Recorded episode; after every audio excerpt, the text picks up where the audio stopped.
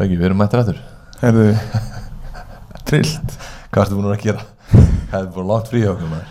Já, þetta er búið að vera Þetta er búið að framlengast lengur en við ætlum okkur að gera. Það er einhvern kannski útskýrum aðeins fyrir fólki. Þá fór ég náttúrulega, voru við bara að klára fótballtímbil Ég fór í þryggjána frí og ég kom heim og fór Arnur í fjara fimmina frí eða ekki? Jú, Síðan var bara mánuður í jólinn og við vorum svona jökla okkar bara. Já, og en síðan núna hefur við verið að hittast undanferðið og ætlum að kera þetta á, á fullt þannig að maður er bara búin að vera í ímsu ég sé alltaf maður, maður, ég vil ekki segja að maður sé upptekinn sem bara sem maður sé virkur. Já, maður sé að gera hluti sem skiptir manni máli og sem maður vil gera en maður getur náttúrulega farið í margar hluti og prjónaði yfir sig eins og við höfum rætt sko en hérna bara búin að jökla ímsu boltum og bara lifa lífunu fyrir utan podcastin sko en ég er mjög spenntur á að byrja aftur sko. En þú hvað hérna? Já, bara saman þú Maður, hérna, þetta er náttúrulega vinna Og við þurfum að, sagt Í rauninni snúa vélinn aftur að stað. Já. Og maður finnur það þegar maður gerir Þegar við byrjum, sko, hvað ákveð finnst það gaman? Þannig að uh, við, við þurfum bara svona, hérna Halda áfram að hamra játni, sko. En ég er bara búin að vera svona svipaður og þú Bara lifa lífinu einhvern veginn. Já. fóru náttúrulega þarna í frí alveg rosalega gott frí eftir mjög gott og svona svona gefandi tímambil Já, ég minna, Íslandsmeistur á be- besti orðanvæða mótsins þannig að ég get ímyndið mér að það hafi verið gefandi. Stóðstu vel? það var já svona það var, já þetta var rosa svona gefandi endir á tímambili sem að var ótrúlega skemmtilegt. Mm. eitthvað allar skemmtilegt sem ég uh, spilað og, og svona uh, það, það er svo margt sem fer í þetta og það er svo rosa gaman að sjá þegar það einhvern veginn blómstrar og, og hérna hana, já við tókum rosa gott frí eftir, eftir það. Ég ætlaði eins að við séum, kannski lengra intro en vanlega en mér langar að stoppa þetta sko, mér gefa kredit fyrir það sko, því að kannski mörgu leiti þeir sem koma heim úr atvinnumennsku og hafa kannski svona komið heim og þú missir svona, hvað ég segja, að það er ekki eins sami kvatti og svona og ég meina þú varst búin að eiga kannski einhver 2-3 ár sem varst kannski svona mikið kannski ekki umtalaður fyrir framhjörnstöðuna en einhvern veginn síðan tekur þú eitt ár sem ert bara besti varnamaður mótsins og verður Íslandsmeistari og svona og mér finnst þetta svolítið uník saga sem svona gleymist að gerist ekki oft að einsleikar eru komin á þennan aldur en eru samt ennþá að bæta sig Já. og mér finnst það svona, hvernig hljómar þetta svona, Já, þetta er bara hérna maður er alltaf hálf svona skrítið þegar maður fyrir að tala um, um sjálf sig einhvern veginn en þetta er svona uh, þetta er uh, þú ert einhvern veginn alltaf þú veist, ég nálgast allt þannig að ég vilji reyna að bæta mig Mhm. þá er einhvern veginn bara þá er engin takmörk þannig mm. Mm. því að, að því að þú fer eftir henni venjulegu formúlu þá bara eh, ert í fótbolta og eftir þrítugt fer að finna til í njánum og svo stýna með þetta meir og meir og svo þarfstu bara að hætta mm. og, en að þú ferð út fyrir þessa formúlu Mhm. og ferð að huga að öllum þessum þáttum sem maður geta bæði haldið skroknum í lagi og haldið huganum uh, mótverðum þá þá náttúrulega ferðu aðra niðurstöðu úr þeirri formúlu heldur en úr gömlu formúlunni og það er það sem ég hef svolítið gert ég hérna lent á mörgum veggjum fer út og, og stend mig vel en svo meiðist ég og þessi veggir og þetta, þetta sem maður lendir í fær maður til að endur skoða rosa margt Mm. og ég hef endur skoða rosa margt tengt þá bæði líkanlega þettinum og, og hérna og svo hérna uh, andlega þettinum sem að hefur orðið til þess að svona í stuttum máli bara og, og, og líkanlega þettinum og það tengist náttúrulega mataræður rosa mikið inn í það en þetta hefur orðið til þess að ég bara svona einhvern veginn mynda með rútinu sem að líka með einhvern veginn verist hanga rosalega vel inn í þessu álægi Mm. og bara mér finnst ég verið rosalega góðu formi og rosalega svona góðan grunn til þess að takast á við álag og svo finnst mér ekki síður andlega hliðin vera sagt, þannig að ég bara var að einhvern veginn ástfangin af fótboll þettur Mm. að vera bara dramatíski sko bara einhvern veginn úr því að vera svona pínu svona e, e, einhver leiti leiður á fótbolla Mm. þá hef, er ég komin á þann stað að mér, ég bara er algjörlega yða þegar ég er að fara æfingu, mér finnst það bara gaman og það hefur bara verið þessi svona þessi vinna. Já, mér finnst það ógeðslega áhugavert að sjá þetta því að þekki ég vel og, og ég veit hvaða mann þú hefur að bera og mér finnst það svona uník saga og ég við þurftum meira bara að taka heilan podcast þátt sem ég myndi grafa eins í þér sko. Og hérna sem við gerum röglega bara. Já, það ekki bara og, Og- ég þarf að grafa hans í þér líka. Já, það er gaman sko. Við erum svona að pæla líki í að stundum að jafnvel að vera með einhverja, einhverja spjallættir sem við erum bara tveir að jögla einhverju. Já. og við erum svo sem ekkert, erum rætta svo sem bara frá því að byrjum með milliveginu, við erum aldrei látið verða að því. En við erum semst, ætlum að hætta með vídjóið Já. og það var basically bara því ég vildi gera það út af því að mér fara of mikill tími í það. Og einhver tími sem ég var ekki tilbúin til að gefa frá mér og Síðan er þetta bara einfalt, þetta er, bara, þetta er aðal málið eða kontentið, það er Já. hljóð upptakan og við ætlum bara að hafa þetta einfalt, þetta er bara gerir þetta þannig að við förum og spjöllum og svo getum við bara hendis út Já, hendis út strax bara eins og fyrir að eitthvað býða eftir einhverju sko. þannig að mér finnst það svona beauty við það sko. þetta er svona Já. einfalda ferli mér og kannski gera líklega við við höldum það að vera með allavega eitt átt í viku og ef ekki fleiri, eða þú veist, við sjáum bara hvernig framhaldi verður Já. þannig að þetta er svona staðan á okkur við annars erum við bara báður að jökla okkur og í bara vegferðin sem við erum í heldur sko. báður í mismunandi vegferð sem við kannski komum meira inn á uh, seinna það sem eflust eru orðinir skítreitt á þessu langa intro hjá okkur en Arnur, þessi þáttur er í bóði Houdini Houdini sem er svona sænst bara úti vörumerki og svona, úti vistar já vörur. og fyrir reyfing og lífstíl og þau eru svona 100% sjálfbær þau bara eyðast eða bara mold í náttúruna ekki Jú, þetta er sér að þetta fara umfram í rauninni þessa hefbundnu endurvinnslu pælingar Mm. sko það sem að uh, fyrirtæki gera eitthvað úr endur unnum vörum eða endur unnum hráfnum Mm. þau gera þetta þannig að þau bæði eru 100% úr endur vinnanlegum hráfnum mm.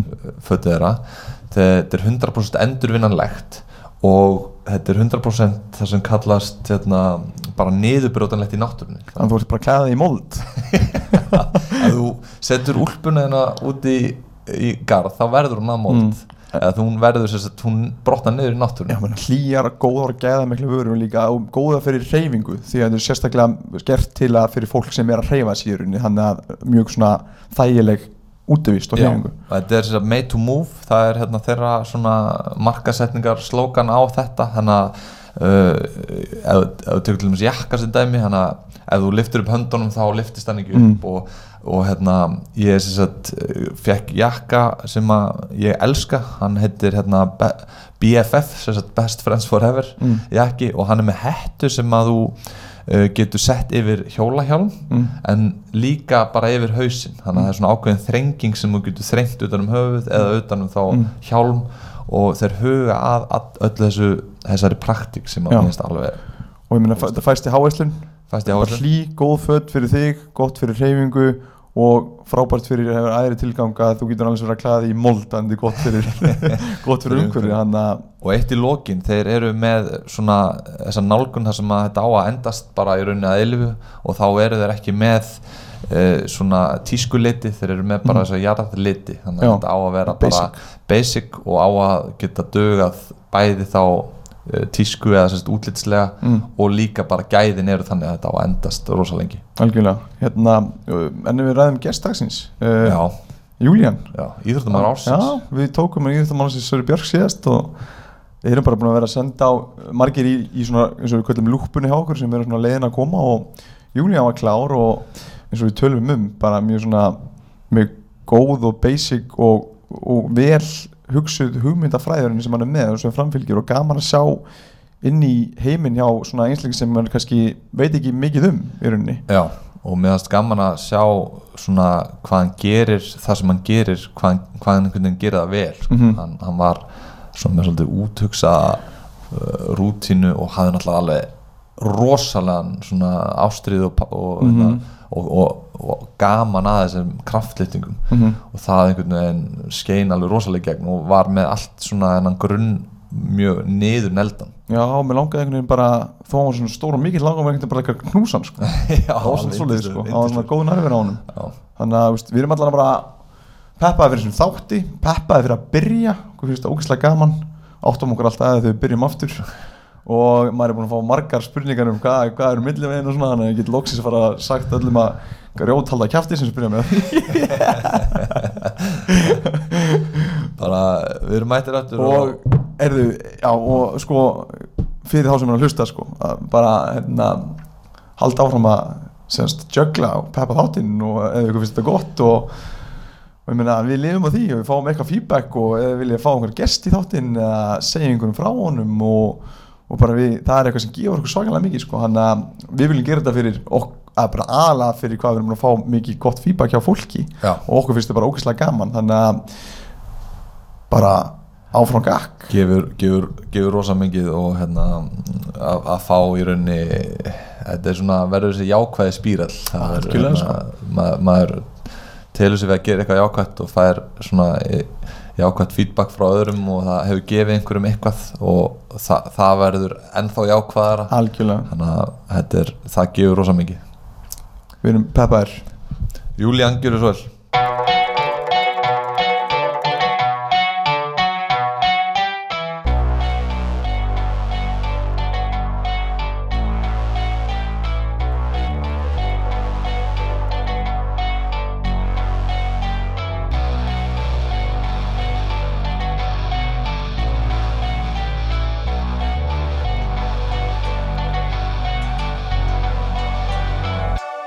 Júlían, Íþróttamæður ásins 2019 uh, Við vorum að ræða hérna Hvort þannig að spyrja út í vegan Hérna, Já, félaganna blessaður.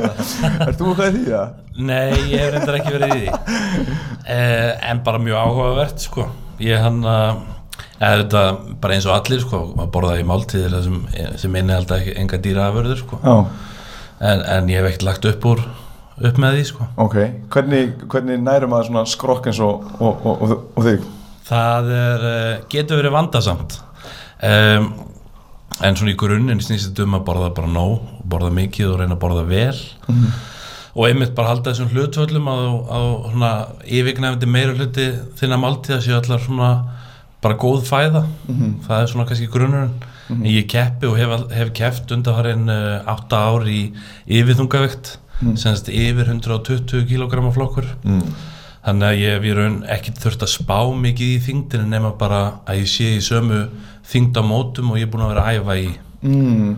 þannig að uh, þeir sem er að keppi í öðrum þingdaflokkum það sem lægri þingdaflokkum, þeir þurfa þá kannski að svona kötta í rauninni já, já, mjög algengt og hann að um, það er mjög algengt að það eru þingdaflokkar auðvitað alveg niður í, í karlaflokkur niður í undir 59 kíló og, og kvennaflokkur niður í undir 47 þannig eru fullt af þingdaflokkum og, og mismunandi auðvitað. En mjög algengt að, að þeir sem keppa í þessum þingdaflokkum semst uh, fyrir neðan minnflokk séu að æfa í kannski 6-5 kílóum hærri líka þingd en að mm. keppi í sko En, eins og hjá þér þá er þá veist, því þingri, ég veist, finnur eitthvað mun á því þingri sem er því meiri kraftur í þér eða eitthvað eða? Já, það, er- það er smá þannig mm. en það er líka þetta eru þrjár keppnisgreinar nýjabæða backpressa og réttstöðulifta og þá er það svona í réttstöðuliftunni hefur mér fundist kannski síst að vera mjög þungur á meðan það kannski henda mér best í backpressunni og svona einhver svona milli, millilending í nýjabæðunni Mm. þannig að þetta er svona smá að finna jafnvægið hvar maður er einhvern veginn bestur yfir alla greinunar Já, þannig að þú ert í rauninni að æfa þessar þrjár greinar. Já, já, og þetta er svona þrýþraut að því leitirinn til og keppir í þessum þremu greinum og alltaf í sömu röð og ert að reyna að ná sem, sem lifta sem mestur í þyngd í hverri grein og fá sem hæstan samanlegaðan árangur. Og hvað var, varst ég eitthvað kringum 1100 á síðastum út, 1140, nei. Já, 1148. Já, og svo fyndi vorum í daginn í tala um strákunni í fótballtænum hvort við ættum fræðilega möguleika að ná 500 í tótal sko. Sko hvað meirinn helmingi meira. Já. en hvað, já, hérna já, þetta er náttúrulega fárlega áhugavert. Og ertu þá, úst, í rauninni úðar þá bara í því mat, þú hvað ert að borða aðeins skilur, eða bara ertu mjög frálus eða reynir bara að hafa þetta svona Nei, ég, sko, ég er ekki með svona matarprógram að því leiturum til. En, um, en þetta eru samt einhvern veginn uppistaðan er alltaf sömu máltíðir og það eru sömu máltíðir sem ég er búin að að borða kannski í, í 11 ár eða eitthvað. Og það eru náttúrulega egg og havramjöl og, og svo er það skýr sem er svona klassist svona, svona milli einhvern veginn eftir morgumat og fyrir hátæðismat eða eftir hátæðismat og fyrir kvöld. Að grípa eina skýr og banana eða eða eitthvað þannig sko og, og, svo stíla ég yfirleitt á því að, borða svona 400-500 gram af, af kjöti eða fisk. Mm. uh, og stundum meira. Ertu spáir eitthvað í próteinmagni eða, eða þú veist, einhver þeir, því reysi við mm, já, í svona en, en bara á því kannski á því plani að hver máltíð. Þá er raun hef ég ekkert endilega verið að pæla svo mikið í heldinni yfir daginn en, en bara hver máltíð sé vel samansett. Mm. og að, að, að ég sé að fá 60-70 grama próteinum í hverja máltíð Mm. þannig að aðeins kannski öðruvísi síðasta máltíð fyrir æfingu þá meir stílaði kannski frekar inn á semst herra hlutvalla kolvernum Mm. uh, en svona heilt yfir er þetta þetta og er það bara, hérna, hvað er mikið í, í 500 gramma skýrtólu af próteni? Eh, ég held að sé eitthvað 67 gram Það er svo mikið Já, já. já, það er alveg Hmm. og það er fínt það er bara, og það er svo þægilegt að grípa það með sko. Já, Ég er ég- svona, Verður þetta einhvern tímann böl að þurfa alltaf að vera að borða eða? það getur orðið það, alveg klárlega og hann uh, og sérstaklega eins og ég finn það bara vikuna eftir mót þá tekið ég hérna rólega bæði æfingum og, og ég reyn bara öllu sem þessu við kemur sko og bara svona því mér finnst það mikilvægt að hvíla hausinn ekki Já. síður en líkamann Einmitt. bara svona aðeins fá svona tækifæri til að stimpla sig út og einhvern veginn Þurfa Eh. kannski ekki að pæla í þessu hver, hverju mínúti einhvern veginn. Nei, en þá einmitt hef ég fundið að, að þá borða ég kannski bara þegar ég er svangur. Og þá kannski líða fjórir fjórir tímar á milli máltíða og þær eru allt öðruvísi og þannig að datt inn á vídeo hjá hérna, uh, hérna, ég man ekki hvað hann heitir einhverjum kraftliftingakall og hann, nei, sem sagt, hérna, svona strongman hérna, kall. Aflurinn maður já, svona já. Og hérna, og það var rosalegt magn af mat sem að hann var bara alltaf að elda eða bara með nestis box með, með matni sem hann var að elda og var bara, að nú er klukkan þetta ekkert svangur, nú þurfum við að borða. Ég hugsaði bara, þetta er bara íþrótt út af fyrir sig að Já. þurfa að standa í þessu. Klárlega. Og það eru svona, það eru nokkuð dæmi sko mikið hef ég séð þessir aflurinnamenn eru náttúrulega um, bæði, bæðir eru yfirleitt þingri og hærri. Mm. en, en greinin er líka þannig að þeir þurfa að æfa einhverja þólvinnu líka það sem að kannski brennslan er meiri sko. Mm. Eh, en svo er það líka persónubundi. Sumi bara verið að þurfa að borða miklu meira til þess að þingjast um x kíló en aðrir. Já, og ég hef aldrei átt neitt sérstaklega erfitt með að þingjast og, og hef svona getað haldið mér í kringum 4.000, 5.000 heitaðeiningar og er samt tæp 170 kíló.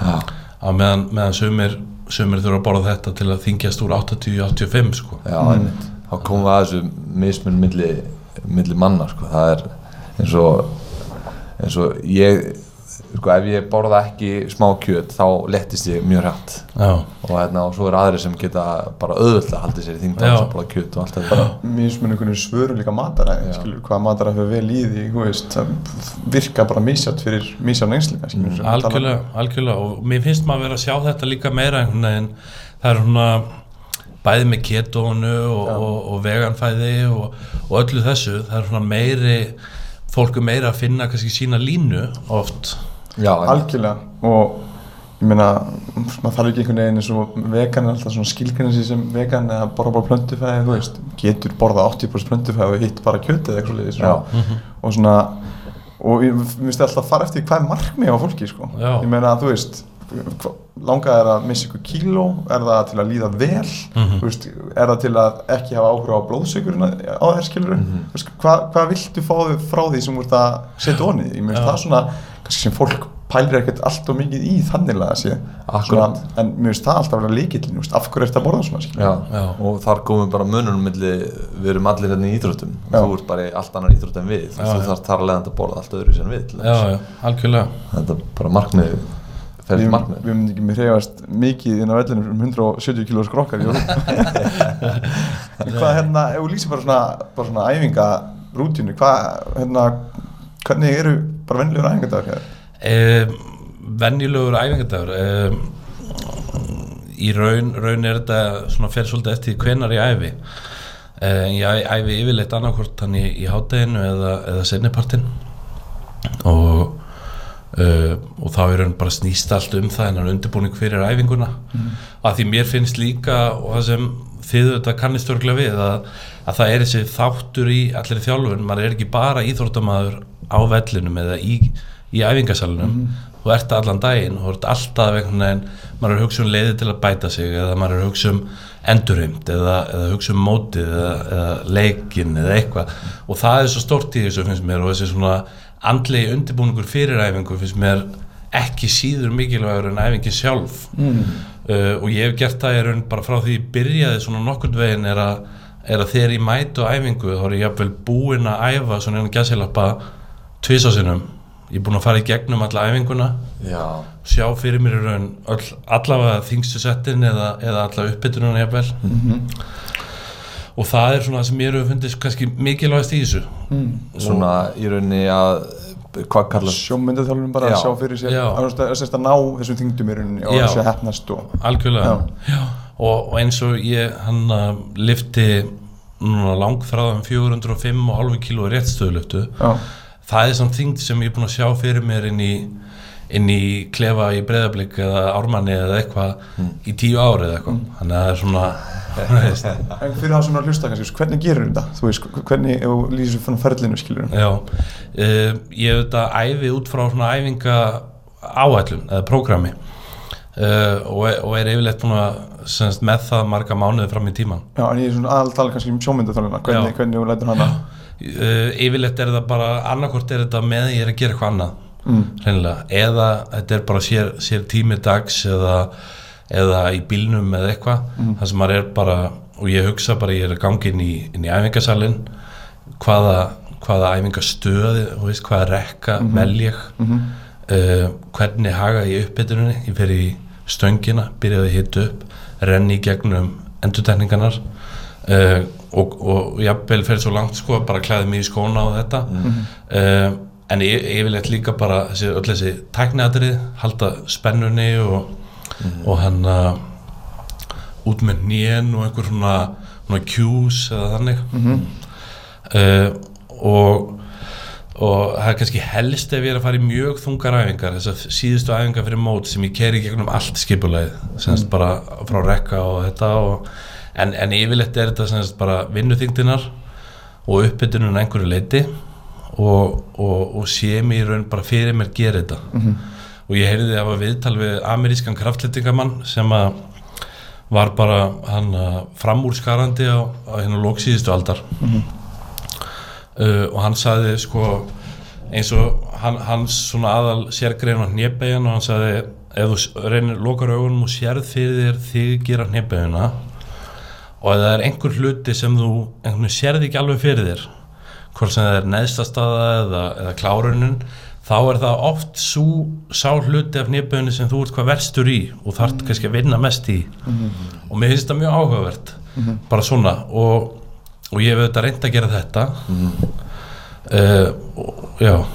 Þú veist það áhverð því að mm. sýnir að þetta virki svipaða töðabröður í heilinum og actually að gera gera æfinguna. Já. og það er einmitt talað um svo þú talar um að fara nákvæmt í öll skrifin og reyna ímynda sér eins nákvæmar aðstæður og það sem þú ert að gera eins og í rauninni bara eins og aðstæðan sem þú mynd fara í til þess að þú ert, ert upp í breyðarbygg að lifta ímynda hvernig umhverfið er í breyðarbygg og en það getur væntanlega eins og spáði, þú þú ert að vinna í einhvern þingdum og búin að stefna þingdum lengi, þetta getur verið svolítið challenge fyrir ekki síst hausinn, skilur Já, klárlega klárlega og, og þetta er auðvitað alltaf áskorunin og augrunin sko og, og, og, tala nú ekki um sko ef þú ert búin að sjá fyrir þér að fara í einhverja þyngd en ferð svo en eins og móti kannski kemur að þessi þyngd sem þú ert búin að hugsa um núna síðustu mánuði þýðir ekki neitt á mótstað þú var að vera þyngjum 2,5 kíló. Já, þú veist, til að reyna að ná sæti eða eitthvað.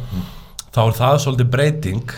Og eins líka þú ert búin að sjá fyrir þér sem að, að koma inn á æfingu þú ert búin að hugsa um allan daginn og jafnvel daginn áður líka.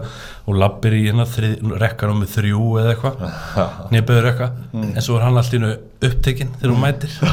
Þú veist hvað ætlar að gera þá? Og þú veist þú voru að velja annan rekka og allt þú veist allt prógrami fara úr skorðum sko. já, hvernig að því að, að því að ég hef þurft að glíma við svona ákveðna þráhyggju að sko ég þurfti að alltaf að fara í hægri skóin og allt þetta. Og ég þurfti raun að hverfa svolítið frá því. Hvernig að því að þetta er auglýslega ekki þráhyggja þú ert að þjálfa hugan en hvernig áttu þá við það þegar þú ert búin að hugsa um að fara í þriðarekkan en síðan mó, þegar á móti kemur, kemur ekki tvö. Áttu auðvelt með að einhvern veginn að breyta þá þessu hugarástandi eða, eða fer eitthvað úr skorðum eða hvernig? Það er mjög mismunandi, ég er nú kannski orðin betri í því en, en stundum var ég alveg eðilegaður yfir þessu sko. og hann uh, og fór bara í fílu eða eitthvað sko, en, uh, en, uh, en það er líka hluta af þessu að því ég, ég held líka að það sé mjög auðvelt fyrir svona að geta orðið að þrá ekki eða, eða einhver svona skemmi fyrir þér. Eins, og- eins og það að ég vef alltaf vinstra hnið á mér og undan hægra fyrir nefnböður já, uh, en þá er það líka ég hef reynt það líka að bara brjóta það upp sko, já, hreinlega. akkurat. Að ég upplifa alveg eins að sko að reyna einhvern veginn að skapa sér góða rútinu uh, sem að allt sem að maður getur stjórnað og allt sem að svona er innan skynsala marka Já. En stundum ert að spila bara leik út, útileik og þá er kannski rútuferð eða hvernig sem það er. Að reyna einhvern veginn að allt sem að þú getur stjórnað hafðu það svolítið í föstum skorðum og hvernig þú borðar og hvenar til dæmis. En allt sem að þú einhvern veginn getur ekki stjórnað það er bara svolítið svona uh, fer svolítið í flæðið. Ég algjörlega. þurfti svolítið að finna með þann farveg. Já. að því að útileiki gáttu þá annars verið svolítið svona óþægilegir því að þá kom margir óvissu þettir Já. Ég, já, ég er sammálað þessu. Uh, og, og það er með þetta eins og einhvern veginn svo margt. Maður vill alltaf æfa við bestu skilirið maður vill alltaf æfa við sínar bestu aðstæður til að reyna hámarka í raun árangur æfingarinnar.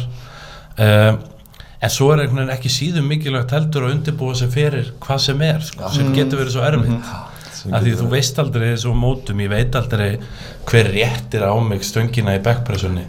Veist, er hann er viðkomandi góður og rétt á mig, ég veit það ekki. Þannig að það er eitthvað sem ég svona líka reynd að æfa við allskins aðstæður og ég töluvert gert að því að ferðast svona hérna innanlands í kraftliftingafélag út á landið eða eitthvað bara til að breyta til sko Uh, en það er líka eitthvað sem má ekki ganga of langt því þú getur ekki alltaf verið að æfa við verstu aðstæður heldur.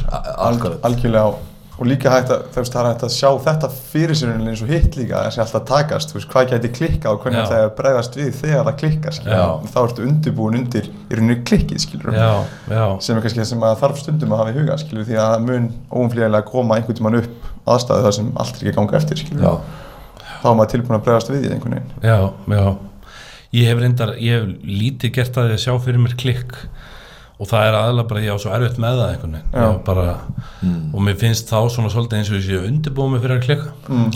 já, ég fæ þá tilfinningu, Já. en það er örgulega sko, ekki síðan mikilvægt. Ég er ekki að tala um klikk kannski í liftunni Nei. ég er að tala um meira klikk, þú veist, þú kemur kannski og rekkur, rekk, þú rekkir er ekki laus. Hvað það þarf að gera, hvernig það þarf að hafa áhrif á þig, þú veist, eða það er einhver annar sem rétti þér stöngin ekki eins Já, já. og út vanur að fá, Jú, skilur, algjörlega. hvernig þarf það? Svona svo, við nefndum einhvern veginn Michael Phelps hérna, Já. staðan búin að sjá fyrir sér öll sundtökin bara, þú veist, svo ógeðslega skýrt. Og sem duttur henni gleru henni á hann hann sá ekki neitt. En hann var búin að sjá svo skýrt fyrir sér. Hann var búin að undirbúa sér undir að það gæti gest já, þannig að hann var bara búin að, þú veist, vissi bara hvað mörg þú veist, Sundtök hann sundtök hann þurfti að taka, skilur ég rauninni að, já að þess að taka inn í myndina hvað, ekki, ekki, ekki, ekki að framistæðin klikki heldur hvernig að byrja að stuðið aðstæðinar fara ekki alveg eins og þú vilt að það þetta er náttúrulega, já, þetta er magnað við Phelps. Það er ótrúlega já. og talandi um kaloríur hann alltaf borðan einhvern já, hann var í 10-12 Já, það það var bara, hvað aldrei þú sýttið á þetta? Ég er í 4-5 þúsund. Já, Já, hann, hann var í 10-12 já, bara búið sér hambúrgar og svona dótt Já, það var hann að að kom í frettónum hann fyrir olimpíuleikana í, var ekki Beijing þá, þá var einhver matsölu staðar hann í bænum þar sem hann bjó sem byrti semst, hann kom alltaf inn í mótnan á hátteginu og kvöldin. Og það var eitthvað bara tveir hambúrgarar og, og eitthvað svona bara rosa magn sko. Já, ég, hann var engin þannig skrokkur sko að ég meina Erði bara svo mikið maður? Já, þetta já, var rosa bara brennsla. Kaloríu til að fara hann var ekki æfingar sex, sex æfingar í dag eða aðeins Já, þetta var eitthvað yfirgengilegt bara. Það var alltaf ótrúlega brennsla í vatninu sko. Já. Ég er svolítið forvitið með svona eins og meira og talar um svona umfram æfingarnar, hvað ertu meira að gera eins og í, í hérna nefndir, menna, er eitthvað meira sem að gera á andlega þáttinn eða endurheimt eða þú veist hvað er svona eins og þú talar um, mér finnst áhægvært að fólk sér bara þú sér bara liftuna þína Já, þú veist, samanlega liftingarinn eða bara þú bættir með þetta í deadlift og svona. En það sér ekki alla vinnuna Nei, og allt því sem er byrjuninja sem er Leiðir að þessu, sko. já, rauninni, sem leiðir að þessum eina mómenti skilur hvað er Algjörlega. mikil vinna sem er hann að baku algjörlega og hann að sko það er náttúrulega klárlega þetta. Uh, en það er svo margt í þessu eins og, eins og uh, við erum að tala um hérna og, og þú segir um, maður er íþróttumar allan sólarningin og þetta hefur áhrif á allar ákvarðanir sem maður tekur. Það er alltaf eða langar að gera eitthvað eða þú veist, kemur þetta mér vel í því sem aðalmarkmiðið er? Eða mun þetta koma mér illa og þá hversu illa mun þetta koma mér eða, eða og svo framvegis? Og það er alltaf þessi forgangsröðun í þessu eins og öðru. Í raun að velja milli þess sem þú vilt mest núna og þess sem þú vilt mest punktur. Einmitt. Já, og það er ég var enda, ég, nú er ég að fara að flytja ég er undirbúið það og ég var að fara í gegnum hann að svona eitthvað, eitthvað blaðasapt sem ég á neðri. Eða sem sagt svona blöð úr og stílabækur úr framhaldsskóla og, og grunnskóla og svona grísja þetta og ætla að henda það svona. Svo ég var ekki að flytja þetta með mér aftur sko. En þá komst ég að því að allar, raun, allar glósubækur úr mentaskóla og eitthvað eru fullar af í raun bara koma svo eða, eða, eða tölur sem sagt hnébegju eða backpressu er eitt stöðl eftir tölur sem ég voru að stefna á. Og það er svona ef ég vissi ekki betur sem ég kannski veit, veit ekki hvort ég geri þá myndi ég halda að þetta væri svona alvarlega svona þráhyggja bara eins og í, í hann að kvikmyndin 23 með Jim Carrey sem hann skrifa einhverja tölur á vegginni á sér bara. Já. þetta er alveg það sko en ég, ég hef svona búin að gleyma þessu svolítið en, en ég held þetta hafi verið bara svona og sér auðvitað ennþá bara algjör svona, svona tunnel vision á, á á þennan stað sem er í dag sko. og, og finnst þér út í þessu forvitin um þetta? Að þetta er bara það svo margir sem lendi í og kemur heim eftir vinnu og, og sófin er öskraði eða einhver, einhver þáttur en, en þeir langar að fara á æfingu. Og þú veist, þú getur ekki þú veist, erfitt er einslega að berja sér áfram til að fara á æfingu eða þú veist, um skammin ánaði sem hún fari við að sem þú veist að horfa á Netflix á kvöldin. Þú veist að þú átt að fara fyrir að sofa því að það mun, þú munt vera feskar í vinnunni eða mun sofa betur, fá betri endur hérna svo framvegis. En samt er það öskraði að klára Netflix-þáttin sem Já. sérði aftur setna mér sko. Finnst þið þá sem skýra sín eins og við talar um og þessu tunnel vision? Já. þú er búin að vera með, búin að skrifa niður í bókina og svona, Já, finnst þér hún veist, ég hef mikla trú á því að þegar þú ert með skýra sín og veist af hverju að gera hlutina og vilt eitthvað, að þá verður þessi forn miklu auðveldur og verður henni ekki forn í þessu núvarandi augnablík að að öll, allar þessar forn að gera sem er þægilegasturinn og sem tengist ekki síninni Já, ég er bara 100% sammála þessu. Uh, og einmitt þetta því ég hef oft verið spurður einhvern veginn hvort ég sé að fórna miklu eða, eða hvort þetta sé ekki mikil fórn fyrir þetta eða, og svo frammeðis oft, oft og, og þegar við hertum þetta líka er mikið tala um þessa fórn. En það er, ég hef líka oft veltið fyrir mér ef ég er alveg staður á nýði að gera það sem ég er að gera og, og finnst í raun ekkert skemmtilegra en að drepa mig á æfingu eða eitthvað skil ég. Er þetta fórn eða er ég að forgangsraða? Algjörlega. Það er mjög góð spurning. Ég er mjög sammála þessu sko, og þetta- maður átt, sáði maður sé að forna einhvern aðstæðum er eiginlega bara meira sem maður vill sko. já, já, því þetta sinnir þetta sinnir einhverju æðra sem ert að stefna sko. algjörlega.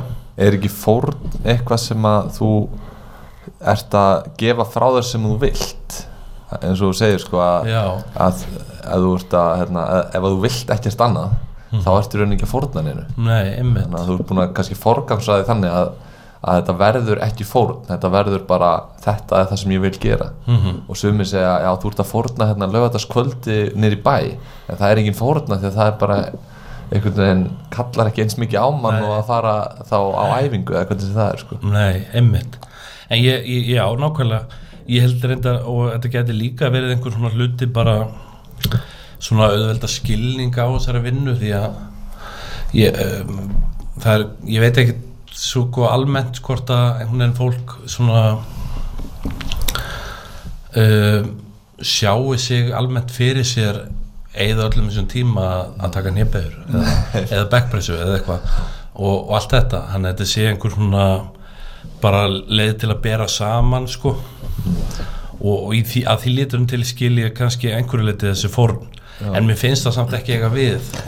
Sem, um, um, En mér finnst það bara ekki, ef þú ert að gera eitthvað sem þú vilt virkilega gera, Já. þá er þetta ekki form í rauninni, þetta er eitthvað sem kýst að gera þú veist, þú kýst ekki að sleppa þig að fara á jammi, þetta er eitthvað sem þú vilt gera en fólk heldur þetta forna kannski því, skilur en það er ekki raunin, skilur því að þú veist, þú vaknar daginn eftir að þú eftir þrjá tíma eitthvað, svona, þú tekur betri ákvörðin og þá ertu miklu sáttari og það Já. tengis miklu meira sem þú ert að stefna og það er að fara að gefa þér mestu bara velja hann í ákvaða tilfinningar þú ert að færa snær því sem þú ert að stefna Já. og það er bara sem lífi snýst um að, að, að, að mínu leiti Einmitt. algjörlega, en, algjörlega. en eitt tengt þessu að, hérna, að, að því að maður er kannski með eitthvað svona tunnel vision og, og, og hérna, þarf maður kannski að vera veist, af hverju ertu sagt, í kraftliftingum, af hverju ertu að sagt, eins og ég oft hugsa sko, maður er að stefna á eitthvað í fótbolta og ég hef svona oft spurt mig þarf ég að vera með eitthvað ennþá dýbra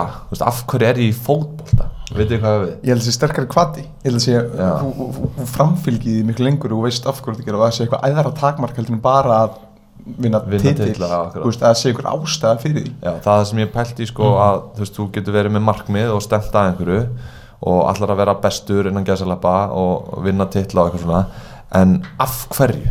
það er það er spurning sem ég verið að díla við sjálfur og svona finnst rosa gott að vera með reyna að pæla svolítið í þeirri spurningu að vera með eitthvað svona ennþá dýpri tilgang heldur en Mhm.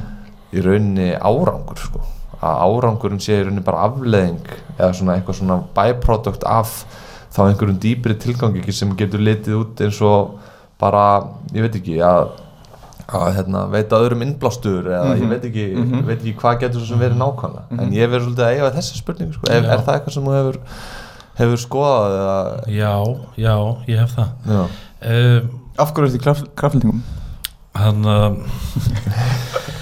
það er mjög góð spurning og af hverju maður gerir hlutina. Og ég, ég velti því ekkert fyrir mér þegar ég var að byrja eða jú, kannski þegar ég var að byrja.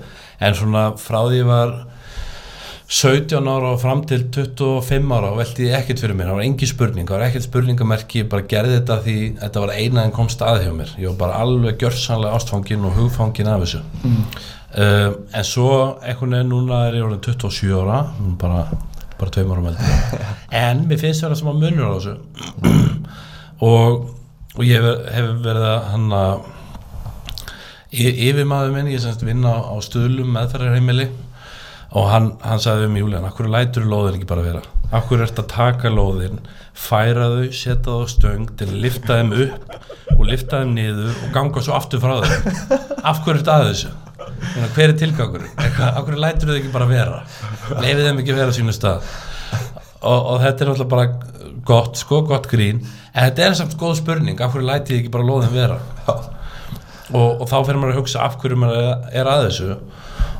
Og, og hjá mér er það klárlega það að, að ég veit ekkert skemmtilegra. Mm. uh, hvort sem það er að, að klára æfingu þegar allt einhvern veginn, allt sagði mér að ég væri of þreyttur eða eitthvað til þess að fara og klára hana eða, eða þegar ég meittur eða meiðist eða þegar á móti blæs. Uh, en það er líka líka eitthvað annað í þessu og það er einhvern veginn að gefa sér tilgang fyrir þessu þú, þú varst að koma inn á. Uh, og ég held að svona tilgangur styrki alltaf þessa vegferð. Og, og, og blási manni uh, hvað segir maður, blási manni svona gefur manni innblástur eða svoleiðis. Já, já, að að þú nefnir sko að hérna, já, og þú nefnir sko að yfirstíga eitthvað. Að, að, hérna, að það er einhvern veginn fátt meira gefandi heldur en að yfirstíga eitthvað sem að fyrirfram uh, var að buga mann. Veist, hvort sem það eru meðsli eða, eða jafnvel bara einhver leikur sem að þú spilaði vel en fyrirfram varstu mjög stressaður eða hvernig sem það er. Að, að sagt, það sá prósess að hann bæti þig sem mannesku sem sagt, að íþróttirnar eru að, eru að íta þér algjörlega út í hotn sko og að láta þennan prósess bæta þessi mannesku og svo getur þú farið út í lífið og mögulega verið aðeins betri mannesku en þú varst áður Já, það getur verið gott svona til þess að ég, ég hugsa svolítið út í það líka sko. það er margt í þessu íþróttuumhverfi sem, sem mér hefur fundist allavega, ég tala verið sjálf með hefur opnað einhvern veginn dyr fyrir mér eða, eða einmitt ítt mér út fyrir þægindarhingin í, í svo mörgum aðstæðum og, og, og þjálfa mig upp í kannski einhverju mér algjörlega ótengt minni íþrótt sko. já, einmitt. En- er góð yfirfærsli í lífið, já. Já, ef, ef, ég, ef ég klára það af hverju ég er að þessu? Ég hef svona reynd að velta fyrir mér ýmsum svona annar öðrum svona hliðum á þessu sem ég geri. Uh, ég held að nummer eitt séu þetta og verði að ég geri þetta því mér finnst þetta skemmtilegt. Og ég finn og fæ mikla ánægi út úr þessu sem ég geri.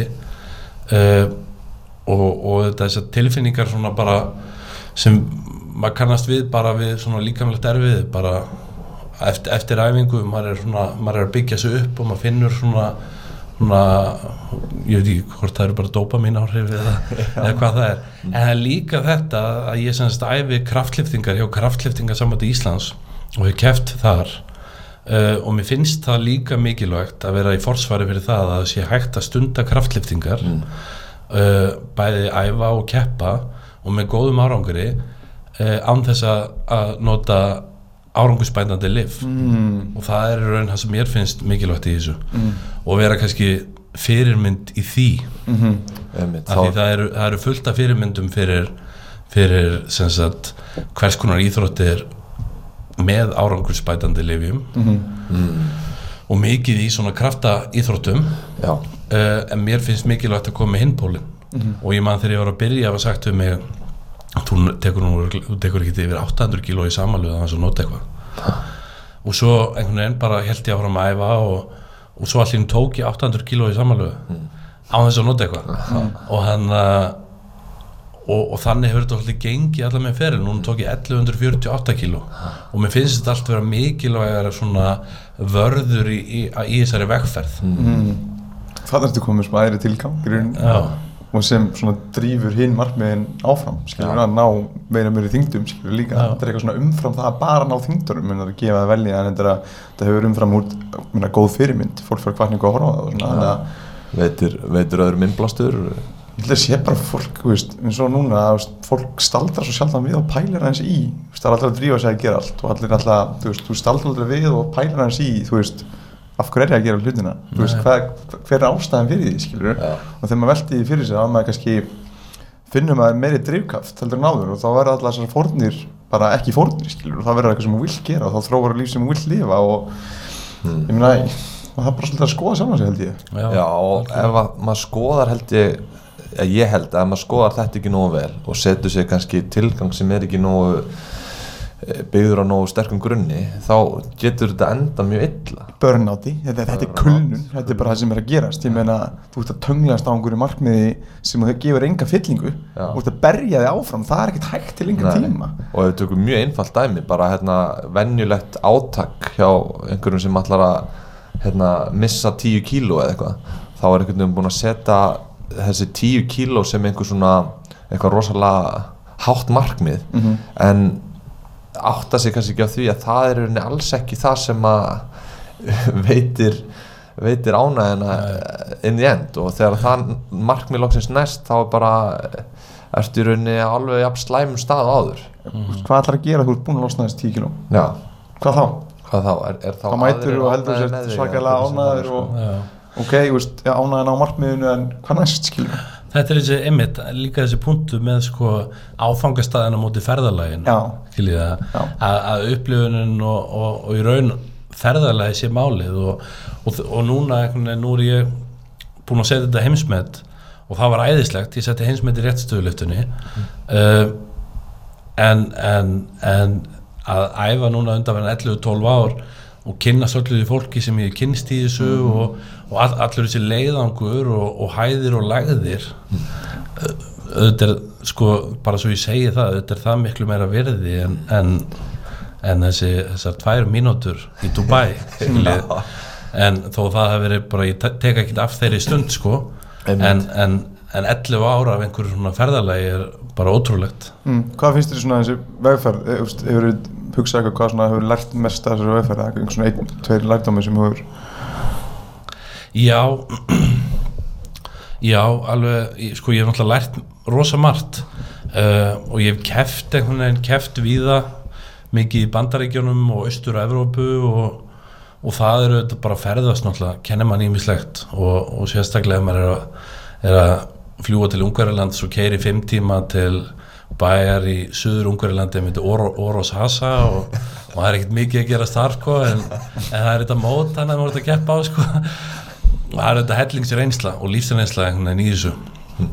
Og hann uh, en það eru svona ímisatriði uh, eitthvað sem mér, mér finnst ég hafa lært á, á þessu ferðalagi. Uh, ég, ég veit, veit kannski ekki alveg hvað ég á að, að stíga niður í því sko en það er bara það er ótrúlega margt í þessu Já, hún nefnir allt fólki sem hún hefur kynst Já. og hérna og talaður um áðan í rauninni að ég veist ég að hérna, ég veist ég að mótlætið og allt þetta sko já, já, jú, það er náttúrulega klárlega eitthvað Mm. og, og, og kannski að stæsta í þessu er finnst mér kannski að bara gefast ekki upp mm. bara halda áfram og, og það er einhvern veginn, það er alltaf mótvindur og það er, það er, það er alltaf hindranir og er alltaf hæðir og læðir en, en ef maður gefst ekki upp einhvern veginn og heldur áfram að halda þrýsting á þessu Mm. þá mjakast maður áfram Það er já að hafa svona rauninni bara svolítið trú bara á framtíðina, von, Já. bjart sinni já, í rauninni bara þá að mæta á hverjum degi og, og átta sig á því að öll þessi litlu skref mjaka manni þá eitthvað áfram? Já, algjörlega. Algjörlega. Og hann að og einhvern veginn það kannski að, taka áhættur. Og, og ég er nú aðalega kannski að hugsa þetta sko út frá hann að keppnum. Mm. uh, en þetta auðvitað ávið allt að taka áhættur. Mm. veist að hann að hvort sem það er að taka skrefið og, og byrja með podcast. Eða, eða hann að eða fara úr úr léttri opnunarþyngdi rétt stöluftu og fara beint í að reyna við heimsmyndið. Mm. og í raun allt sett á á vogaskálunar með það. Það var núna annarkvort hjá mér í Dubai að, að lenda í fjórðasæti og, og og ekki með heimsmet eða lenda í þriðasæti og með heimsmet. Já, en, en það er þetta. Já. já. Og ég hef oft tekið þess áhættu og, og ekki náð henni. Og veist, það er hafi líka oft gerst. En þegar það, þegar það gengur upp þá er það alltaf þess virði. Og vantilega því þegar það gengur ekki upp alveg klárlega. Ég held að sé þú veist, já, talar um að við viljum alltaf vita allt, hvernig allir hlutinu enda hvernig munir í framtíðinu og svona en það er bara ekki hægt. Nei. og ég meina þú ferði í smáis og hann alltaf lærir þú bara þú veist, og þú verður betri, það er ástæðan okkur um maður tegum sér nýja vennjur eða eitthvað svona okkur, ímyndaði bara starffræði dæmi sem þú varst að byrja að leysa þegar þú varst ungu krakki sem þú veist hafði ekki hugmyndum sín allt í hennu bara var þetta sjálfsagt hlutur þetta er einhvern veginn svona með allt. Meina, og, og, og þetta yfirfæra þetta bara nánast bara allt lífið sko. Mm einmitt. Einhvern veginn bara fara í þessu óvissu og að maður þurfi ekki að vita allt fyrirfram. Bara, það getur bara verið smá, smá hlæðsla en bara og svo kannski líka þessi, þetta jafnvægi milli þess að taka áhættu og vera skinsamur og já, það já. er líka. sá balans sem að eins og bara að vera þá hugaður en ekki ekki sko Eh, já, ekki verið að sína fíbl já, Dirfsku. já, Já. og hérna og finna, finna þann balans allavega, algjörlega, það er þessi gullni meðalvegur í þessu öllu. Akkurat út í milliveginum. Já, Nei, já, já, já, já vita hvenar átt að taka áhættuna Mm. og hvenar það er örugar að- pakki vörn eða, hvað sem það er sko. og, og svona þessar íþrótta hetju sögur virðast yfirleitt koma með þegar einhver gerði eitthvað sem að engum datt í hug að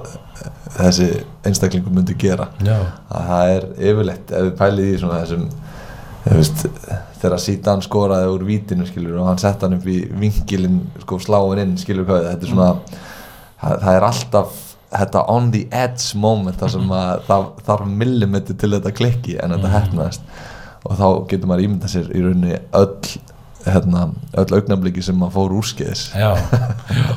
Jordan, hann að Michael Jordan hann sagði hann eitthvað eitthvað ég hef tekið síðasta skotið eitthvað, sáu þess að tilhörnum Já. Já. 1500 sinnum eða eitthvað og klikkað. Eitthvað 23 svar hefur það gengið upp. Eða var eitthvað svona er og það er alveg málið. Það er hluti af þessu. Já, og það er líka hluti af svona þessu sem maður þekkir úr íþróttum. Það gengur ekki alltaf allt upp. Mhm. það er ekki alltaf þinn besti dagur. Og, og korki á æfingunni um móti. Og það er einhvern veginn maður meiðist eða kemur eitthvað upp á og það er einhvern veginn það er svo sjaldan sem þú hittir á einhvern veginn alveg topp dag. Og það er líka eitthvað sem heldur mann í þessu. Ef þetta væri auðvelt og maður myndi alltaf hitta á sitt besta mót eða sem besta leik það væri ekki jafn gaman. Maður myndi ekki stundið í, í 15 ári ef þetta væri auðvelt og sko. og það er einmitt, það. einmitt hérna, sko, samtölu sem maður á enn þann dag í dag er bara hérna, hvað finnst þið best að borða hérna, rétt fyrir leik eða á leikdegi maður er einhvern veginn búin að vera í þessu í öll þessi ár og maður er ennþá einhvern veginn að Já. eiga svona eitthvað sem hljóma svo astanlega en að þú ert alltaf að reyna að ná þessu þessu pínu litlu millimetrum Já. og bara hvað hva ert þú að gera hérna eftir æfingar og Já. allt þetta sko og ég get ímyndað mér í þínu sporti þar sem þú ert sko að ég meina þú munur að taka 400 kíló eða 405 eh, var ekki 405 sem þú tókst í réttstöðu ekki? 405 og hálft kíló og, 5,5, og já. akkurat og hálft kíló að hérna, þú ert bara í þessum millimetrum Já. þó þú sért í þessum rosalegu þyngdum Já. og þessi, þessi þetta hálfa kíló getur verið uh, hugaþjálfunin fyrir mótið eða hvernig sem það er sko algjörlega og það er einmitt það sem er svo gaman í þessu það er bara sama hvað maður er búin að lengi í þessu maður veginn alltaf á öllum mikstöðum að pæla í þessum litlu millimetrum Mhm. sem maður getur tekið aukalega. Já, já, ég tók semst 2018 tók ég 405 og heilu ári setna af góðum æfingum tók ég 405,5 þannig að þannig. Og var bara rosa ánægða með það Já. bara alveg. Þetta er hérna Þetta er einn skildó sem ég sett á stöngi Þetta er svo eins og þú talar um, litla prósti hér og þar. Já. en mér finnst svona enginn að bara svona smá þraut segja, þú veist að svo talar um að lífið væri ekkert það væri ekkert gaman að því að væri að allt ganga upp. Nei. þú veist, að hann enn myndi ekki nenn að heyra sögu sem líka myndi bara allt gengur upp. Nei, og mér finnst þetta kannski yfirfarast á lífið það er óumflýlega að koma erfið tímar erfiðleikar, hindarinir, áskoranir og að halda áfram sína þrautsu í þessum og þessuna kannski held ég að tilgangun sé geggjaðar skilur að hann Algjörlega. drífið áfram yfir þessar hindranir og yfir þessar áskoranir já, sem ég finna að enginn þína sögu þú veist, þú talar um að veist það verður ekkert gaman nema völl mistöku sem það eru gert já, já, já, já. Og ég meina ég, ég oft hugsað þetta sko eins og núna. Uh, ég, ég ferðast í sólarring veist eða eitthvað og, og komið á mót hana og, og, og fallið úr í fyrstu grein eða eitthvað. Og, og ég var fyrsti Íslandingur til að komast á heimsleikan í kraftleftingum sem eru svona fjagra ára fresti uh, og stærsta mótið í, í kraftleftingum og er svona fjölgreina mót sagt, og er, er í raun stærsta fjölgreina mót fyrir utan olimpíuleikana fyrir íþróttir sem er ekki þar inni. Mm. um, ég var fyrsti Íslandingur til að komast ángað til þess að falla úr í fyrstu grein skiljiði. Mm. og, og þá einhvern veginn mótið þar á undan er þetta var tvö- 2017 og þar fjall ég úr líka í fyrstu grein, þannig að það voru tvö mót í röð tvö stórmót uh, þar sem að ég einhvern veginn gerir tæknileg mistök og fell úr keppni. Og það var rosalega þungt það var bara ég hann að já, þetta er bara mjög erfitt með það og að vinna mig upp úr því sko Uh, en einhvern veginn heldur maður áfram. Já. og það er málið í þessu að halda áfram þrátt fyrir svona. Hvernig hérna áttur við það til dæmis? Hvað gerður þú? ég, ég var alveg eðilagur ef ég segi það alveg bara. Ég var bara, þetta er náttúrulega þetta eru 30 vikur eða eitthvað á æfingum og, og, og hann og svo þrjár mínútur á keppni. Þar sem þetta er raun ákvarðast að þessar 30 vikur voru ömulegar það veist en, en, en ég, ég veit eiginlega ekki hvernig ég vann mig úr því. Ég, ég, ég talaði mikið við kæristunum mína og hún kvatti mig til að keppa á litlu móti hérna heima eftir þetta. Hann var rétt stöðlöftu mót bara. Og náði einhvern veginn góðum árangri þar og það var svona smá hortstyrnin í þetta. Um, ég, ég hann að kannski þá bara halda áfram? Já, ég held að það hafi verið klárlega bara halda áfram.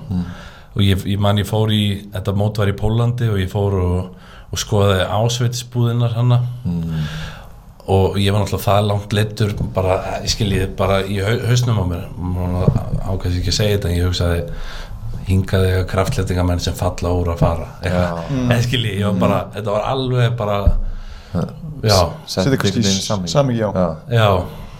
En hann uh, en svo bara einhvern veginn bara dropin hólar steinin og maður mjakast áfram. Og maður, ef maður hættir ekki þá heldur maður áfram og ef maður heldur áfram kemur að því að, að, að maður kemst í gegnum þetta. Og ég keft á heimsmeistaramótuna þetta ári, loka árs og, uh, og bætti mig ekki eða neitt en stóð mig vel. Og það var einhvern veginn svona hvað ég haldið áfram sko. Var, en þetta voru svona mörg lítil skref sko. Já, því að þú talar um þessar 30 vikur Já. og svo er, er keppnin hérna þessar þrjár mínútur. Sko þessar 30 vikur eru ekki tilgangslösar það var kannski verið einhver mistök gerð og maður getur svona einhvern veginn litið tilbaka og, og skoðað svolítið reynt að skoða það rökrétt hvort þú þurfur að breyta einhverju. En maður þarf að átta sig á því að þú gerðir eitthvað á þessum 30 vikum. Já, já, og að þú heldur áfram þá þú ert ekki að byrja einhvern veginn bara á nullpunkti aftur. Nei, maður þarf einhvern veginn að átta sig á því að sko æfingin sem þú áttir þessa 30, þessi, þessi 30 vikna æfingatörn í þessu tilvilli uh, hún, hún hún gerði eitthvað fyrir mann. Mhm. og, og það, það er það sem að maður svona, ég á, maður, hvað erfiðast með stundum er að horfa rökrétt á af hverju tapaði leiknum. Algjörlega. Að, hvað, hvað var þetta stórkostlegt hérna hjá anstæðingnum eða var þetta mistöki okkur, var þetta vittlust nálgun á mér, að reyna einhvern veginn að horfa rökrétt á uh, horfa rökrétt tilbaka frekar heldur en uh, ég er ömulur, ég tapaði eða ég er bestur, ég vann. Og það er svona þessi kontrast íþróttana sem að allavega mér finnst rosa gott að reyna að fara tilbaka.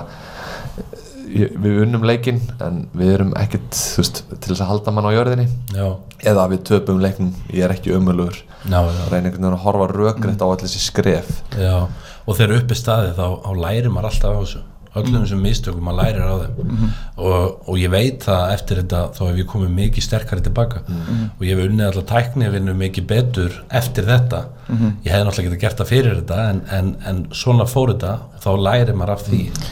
Já og áhuga pæling sko það var að fókusa á, framistöruninni og, og að, að, að sko það skiptir ekki öllu máli ein lifta sem að klikkar einn leikur sem að vinnur að tapar. Það skiptir máli að standa sig vel yfir margar liftur yfir mörg ár, yfir margar leiki og bæta framistöðuna frá mörgum leikjum. Að, úst, því að lífi er ekki bara einn leikur sem að vinnur að tapar þannig að það skiptir máli um að bæta sig með hverju einasta skrefi, hverju einasta móti hverju einasta leik sama hvort að þú standið þig vel eða illa sko. þannig að mér finnst það svo bara beautiful pæling sko. því að þú getur þessi fótballta, kannski öðru sem er kraftlingar en fótballta getur unni leikin en verið liður og akkurat þú getur verið staðið fáralega vel en samt tapa leiknum. Átt þá að skilja að þú veist að allt ómöðulegt að þú tapa leiknum. Þannig að skiptir máli að bæta sig í því sem maður er að gera bara á vegferðinni skilur sem vegferðin snýst um Algjörlega. og ég, ég mynd oft hugsað það og, og, og talað um það að, bætingar líka það eru margir en byrja og, og, og, og auðvitað gera slutinu hraðar en maður er nýbyrjaður en maður er búin að vera í einhverju í, í lengri tíma. En, en bætingar eiga sér samt ekki stað dag frá degi eða viku frá viku. Yfirleitt er þetta ár frá ári. Já, ég meina hálf kíló hana sem er unni óheyrandi, úst, bara fáralega mikil vinna baku við þetta hálfa kíló. Já, já, algjörlega, algjörlega. sumi geta bombað þessi hálfri skýrtós og Þannig en hérna, ég er mjög forrættin að vita að því að þú talar um þetta sem þessa þrýþraut þú ert mm -hmm. að keppi í þessum þrjum greinum. Þegar þú ert að æfa þá gerur uh, vantarlega eitthvað annað eða lifturu einhverjar sem sagt, aðrar liftingaræfingar hérna, ert að taka ert að taka hérna Uh, hérna, stiffleg veistu hvað, Já, hérna, já, já, ert að æfa öðruvísi heldur en þessar þrjár æfingar? Já, en, en þessar þrjár æfingar, nefnbeg, backpress og réttstöðlufta eru, eru svona alveg grunnurinn, bara á grunnurinn á öllum æfingum. Ég tek þessar greinar alltaf, á öllum æfingum þar segja. Já, og uh, en, en í kringum þær vinn ég, vinn ég mikið í bara vöðvonu sem, sem svona stökum eða, eða einhverjum öðrum hreyfingum eða eitthvað og öðrum útfærslum af þessum greinum. En, uh, en grunnurinn er þessar greinar og tæknilega framfærir í þeim og, svo, og, og á saman tíma styrtaraukning í þessu greinunum. En svo verður maður líka að vinna í, í bara vöðvunum og styrkja þá.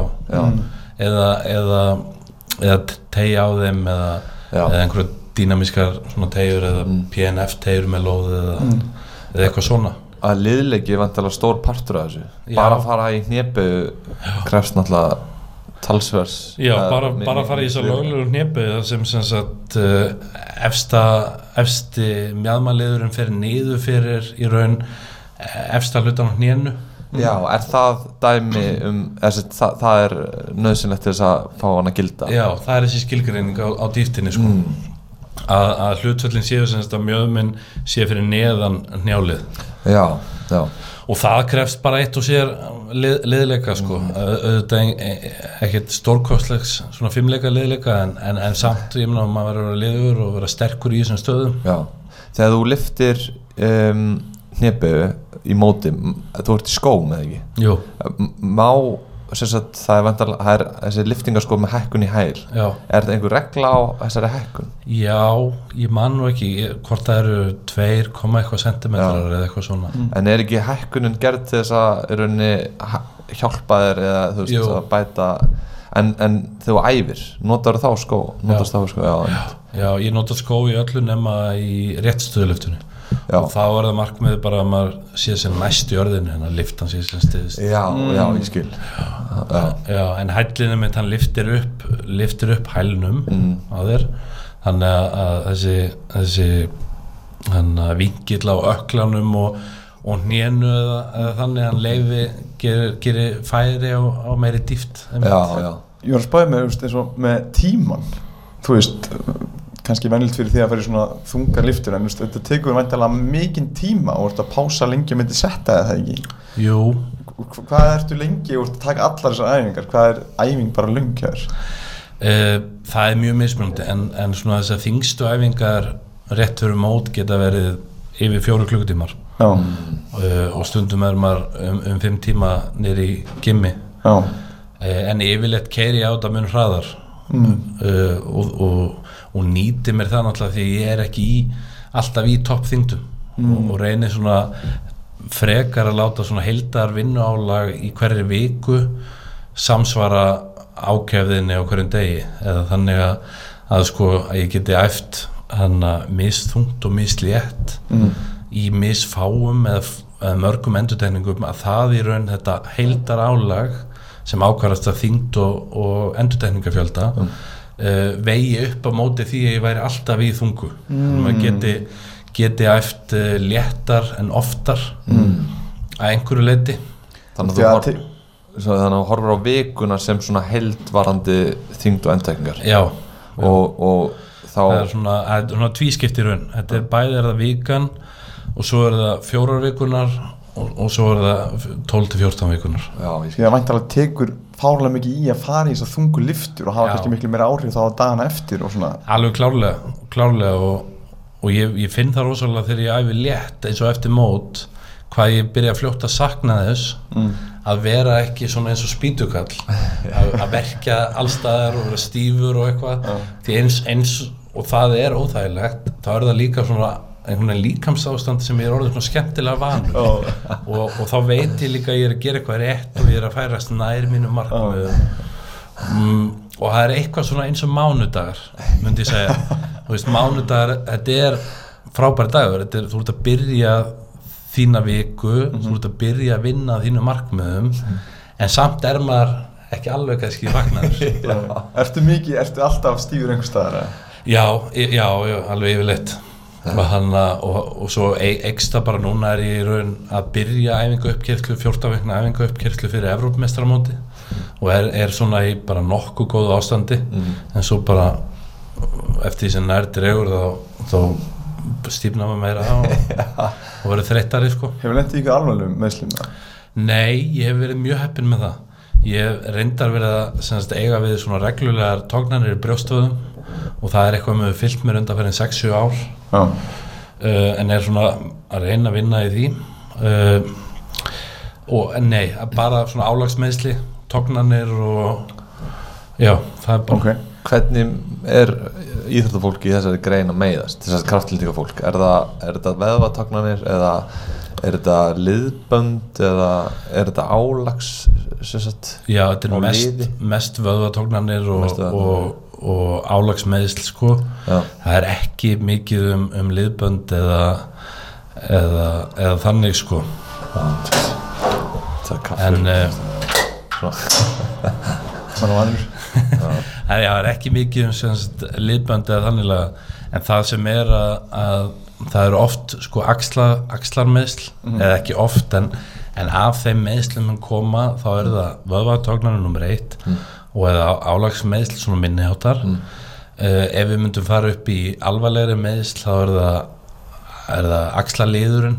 Já, úr backpressunni Já, það er það backpressan sem setur svona að axlar, bæði axlar vöðvin og liður en þetta er svona svolítið viðkvæmt viðkvæmt fyrirbæri í líkamannum bæði því skálinn sem, sem upphandlegsbeini situr í er bæði mismunandi milli manna og, og svona og, og, og vöðvin er bara fastur í, í tvo enda eða eitthvað svona. Hún har flókið fyrirbærið en, uh, en ég held að þetta séu svona algengustu hlutinir okay. Hvað hva, hérna, hvern, hva gerir þú fyrir utan þú talar um áðan? Hvernig heldur þér góðum fyrir utan æfinga, hvað gerir þú bara fyrir utan æfinga hvernig sérðu um þig og hvað, hvað áhugamál, þetta er kannski Já, stór spurningin hvað, hvað ertu að gera fyrir utan bara að æfa? Í rauninni? uh, Eru að tala um endurheimtið? já, já, já, tökum að, tökum að, síðan skiltum við tekið bara áhugamál og kannski á Sko já, í, í endurheimtamálum finnst mér bara mjög mikilvægt í þessum æfinga uppbyggingu að fara reglulega í nutt það er svona nummer eitt kannski endurheimtin hjá mér. Mm.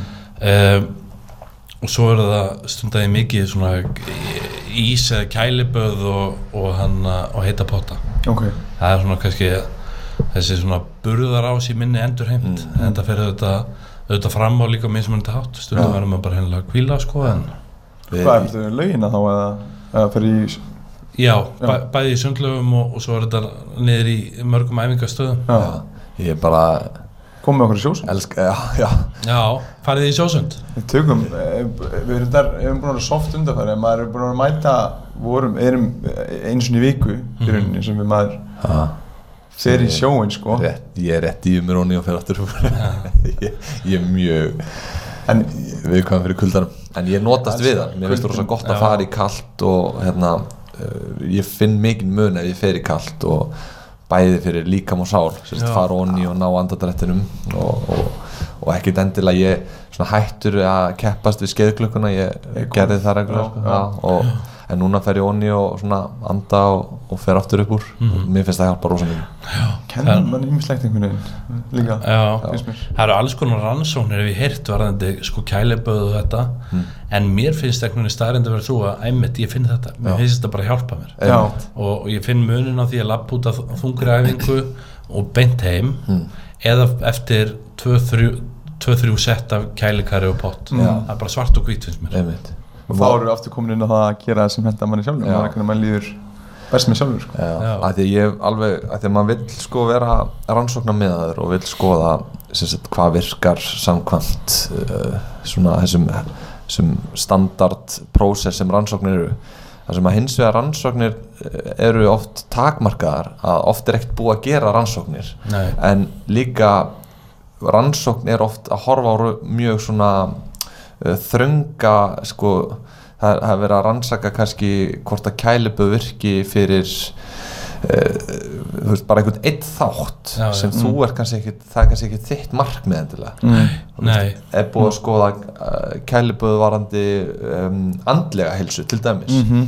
og e eða er bara verið að skoða kæliböð fyrir uh, Bólgur. bólgur eða verki. verki, testostyrun þannig að mér finnst sko, maður þarf alltaf að horfa líka rosa rökrétt á hvað er þessi tiltekna rannsókn að horfa á af því að það er ekki hægt að segja að kælibu virki ekki. Nei. það er augljóslega virka, Já, já. ég fer í kælibu og fer aftur upp úr. Já. þú veist, hvað, hvað meinar með að kælibu virki ekki? Já, þannig að, þannig að þarna þarf að horfa einhvern veginn líka rosa rökrétt á hvað kæliba gerir fyrir mann sko. Ef við tökum það bara sem dæmi sko. algjörlega samanlega því sko. að mér finnst rannsókn oft svo uh, einhver sem allar að vera svo rannsóknar miðaður hann, hann uh, lendir stundum bara eftir á eins og ég er rosa mikið berfættur og ég er að reyna að gera til þess að styrkja mér kálvan og, og öklan og, og hefur rosa mikla trú á því. En mér er reglulega bent á það að það er einhver rannsókn sem styðja það eða það er allavega mjög fáar. En hérna en ég get ekki farið fram hjá minni sannfæringu og hvernig mér hefur liðið með þetta. Nei, algjörlega. Og það er líka annað þessu meiri sem þó það þó þetta myndi ekki gera neitt en maður trúir því sjálfur Já. að það gerir eitthvað. Mhm. þá vitum við að það gerir eitthvað. Algjörlega. Það gerir það, placebo uh, áhrifin eru raunveruleg.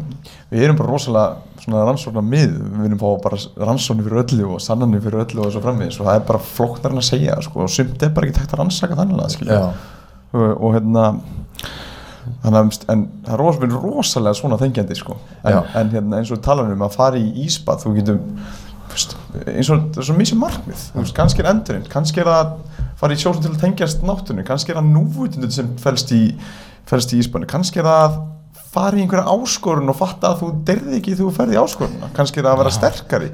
Kannski er það þú veist, að challenge sig veist, þetta er svo að hömbla mann aðeins líka. Já. fara í Já. kalda baði Ég talaði við sjúkuræðþjálfara hann var að æfa með mér. Hann, hann nýjóran doktor í sjúkuræðþjálfun Haraldur Björn heitir hann. Og ég spurði hann svona um einhver ráð varandi endurheimt. Ég talaði um íspöðin og ég talaði um nutt og ég talaði um, um nálastungu. Ég ætla hann reyndar að skjóta inn ég fór í nálastungu einu svona, mér fannst það komið virkilega óvart. En ég spurði hann út í þetta með hann að með endurheimt og hvaða væri gott svona sangat og hann sagði já, íspöðun eru fín og, og nutti er fínt uh, en ef þú ætlar að fá einhverju góða endurheimt þá myndi ég sennilega bara mæla með um þér á það er bókara. Sennast, einhvern til að sjá um bókaldið fyrir þig. Bara til að minka stressi Já. og minna stress. Betri endurheimt. Og það er svolítið góð punktur búti ráða þessi bókar það er að En það, það er annars að tappin á annan eiginlega líka bara, þú veist, með eins og líka bara næra tengsli sín eða fjölskyldun eða vini sem hjálpaði líka að í kofur á milli, en þá kannski komum við inn á hvað þú gerir í dagstæðilega fyrir utan það er stöðugt að hugsa um íþjóttuna hvað Já, kann það meta já. og hver er áhámáliðin og hvað Uh, ég sem sagt uh, vinn á, á meðferð, meðferðarheimili fyrir úlinga og hann uh, er búinn að vinna hæði þrjú ár og, og var nú bara í hlutastarðu þar fyrst og, og, og, og hann uh, og vann á listasafni Einars Jónssonar líka. Og var semst í sagfræði námi sem ég er svona hálnaði með rú- rúmlega er svona með í smá pásu núna en hann uh, og það er kannski minn, minn helsti áhugi hefur verið þar í, í þessum hugvísindum hann uh, í, og, uh, og og svo og já og, og listasafni Einars Jónssonar það er svona gaf, mig- gaf mér líka inn í sín inn í, inn í svona listaheim og listasögu sko. og það var eitthvað að heilaði mig sko. þannig að þú, lest mikið og ferði í, söguna? Já, ég hef allavega gert það sko. það er svona mismunandi hversu vel maður sinnir því sko. en, en það er svona eitthvað em, em, það sem áhugum minn hefur leiðið svona fyrir utan íþróttinar já, og hvernig er að vinna með eins og hérna á þessu meðfæra Já, það er mjög fínt. Bara, bara mjög gaman yfirleitt og, og hann kom inn flotti krakkar og, og með, ég vinn með flottu fólki og, og þetta er svona hann að sko það væri kannski auðvöld að segja þetta væri svona gefandi starf en uh, það getur líka verið rosa erfitt en það er svona allavega hana bara. Mm. Er þá komum við þarna kannski að mikilvægi þess að, að þú talaður um á hann að vera fyrirmynd og að, rauninni að gera það sem þú ert að gera til þess að sína að það sé hægt að að lifta þessum þung, þyngdum uh, veist, án, án livja til dæmis eða sérst án þessara stera á þetta. Uh, er þetta starf kannski tengt þessu og mikilvæg þess að þú síni það að þú sér góð fyrirmynd og vonandi kannski líta krakkarnir á þig sem þá, já, veit að um kannski einhvern innblástur Ég náttúrulega myndi bara vona það skilur að það væri að, að maður gæti einhvern veginn ít við einhverju með þessu mm. uh, og klárlega uh, en það var kannski aldrei kannski sko ætlunin þarna að koma að vinna þarna og vera sjálfur fyrirmynd sko. En, en ég held svona óumflýjanlega lendir maður í því hlutverki. Mm. uh, en, en þarna og ég held að og ef að því væri sko ef að því er því að, að og er, er sem horfir sko með það þá væri ég mjög ánægð með það. Já, að, að maður gæti ítt, ítt einhverjum í það átt að, að býða með eitthvað eða, eða sleppa því.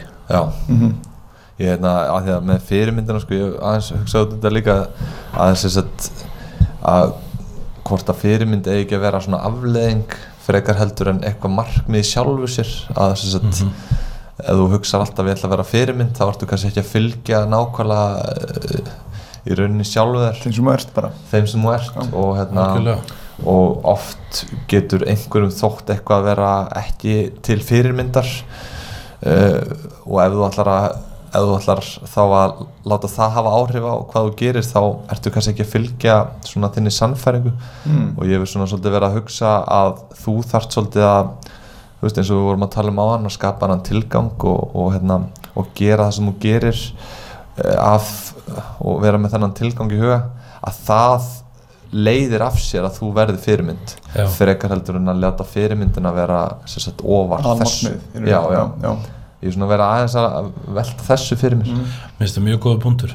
Mjög góða punktur. Og þetta kemur líka inn á svona markmiðasetningu almennt sko. Já, og varandi að setja sér skýr markmið. Mm. ekki að setja sér markmið ég ætla að standa mig vel.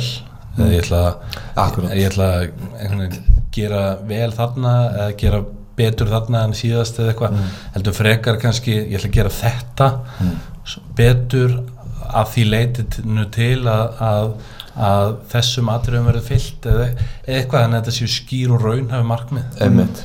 Þetta, þetta er mjög opið að ætla að vera fyrirmynd. Já, akkurat, rosa opið einmitt. Já, og kannski einmitt eins og þú segir sko, geti, gæti í raun gert það að verkum að því þú ert ekkit vondur þó einhverjum finnist þú vera vondur og þú ert ekkit endilega góður þó einhverjum finnist þú vera góður. Maður að halda einhvern veginn sinni samfæringu í sammála það er, það er frábæk punktur einmitt. Þá ertu með svona þína heimsýn líka og þá getur þú meina þess vegna raugrætt af hverju þú ert þessi einsleikur því að þú hefur trúað þér sjálfur og þú er búin að skoða þér sjálfur og svo tala um þá er afleggin af því að þá verður þín tegund af fyrirmynd og, og, og miðlar þá þú veist, ef þú ert að reyna af einhver annar og ert þá ert það kannski svona óþægileg tilfengur í sjálfa þig líka já, og, ekki, þú veist, þá er hægt að fara rauk fyrir því að þú sért í rauninni ekki góð fyrirmynd heldur sko. Nei, þá ertu í rauninni einhver annar en þú ert í rauninni sko. Já, og við vitum það líka að maður kemst ég held, ég er allavega held að, að, að þú kemst ekki á, á leiðarenda eða kemst ekki í þitt ferðalag mm. nema að standa með sjálfum þér og þinni samfæringu mm. já, akkurat. maður er aldrei allra og, og, og svo framvegið sko, maður verður bara að gera sitt og vinna í sínu markmiðum dag frá degi og viku frá viku og árið til árs og vona að maður einhvern veginn færist nær sínu markmið þess vegna er svo mikilvægt að vita bara grunninn. Og við eins og talar um að vita tilgangin því að óumflýjanlega myndu fá einhverja veist, fólk mynd tala um þig að efast um þig eitthvað svoleiðis og, og lengi sem þú veist af hverju þú gera hlutin og hefur trú að því að það sem þú gera sé virkilega sem þú vilt gera Mhm. að þá var það svo stert já, einmitt. En hérna, þú minnist aðeins á markmið um, hvernig vinnur með þau? Er, er, er kannski auðvelt að setja sér markmið í þinni greina því að þetta snýst svolítið um þingdir eða setur Já, að mörgulegt er það mjög svona miklu kannski skilvirkara skiljið en, en ég geti ímyndað mér í, í knattspyrnunni. Eða skiljið, þetta, er, þetta, er allt, þetta eru tölur og þetta eru tölur á blaði og, og, og þetta er svona, maður sér þetta vel fyrir sér Mhm. og því leiturum til að kannski auðveldar að setja sér endamarkmið í tölum en, en svona huglegari tæknimarkmið eða, eða Akkurat. skiljið, geti ímyndað mér að þess að þú þekkið alveg. Að það er að það meira svart á hvíti, þú bara sér bara hvort nærið svo ekki bara, bara mjög svona Já, skýrt. En ég set mér alls konar markmið og bara mjög reglulega. Og, og strengið náttúrulega það er talað um að strengja sér áramóta heit sko, og ég náttúrulega geri það sko, að því leitur um til að þetta eru bara markmið og, og ég endur sko markmiðin reglulega og, og ég hef heldur ekkert verið hrættur við að setja mér of hámarkmið mm. og, og hún í gegnum tíðina hef ég freka vilja setja mér markmið sem ég kannski væri óraunhæft að ætla sér að ná að einu ári. En það er einhver svona markmið sem íta við manni.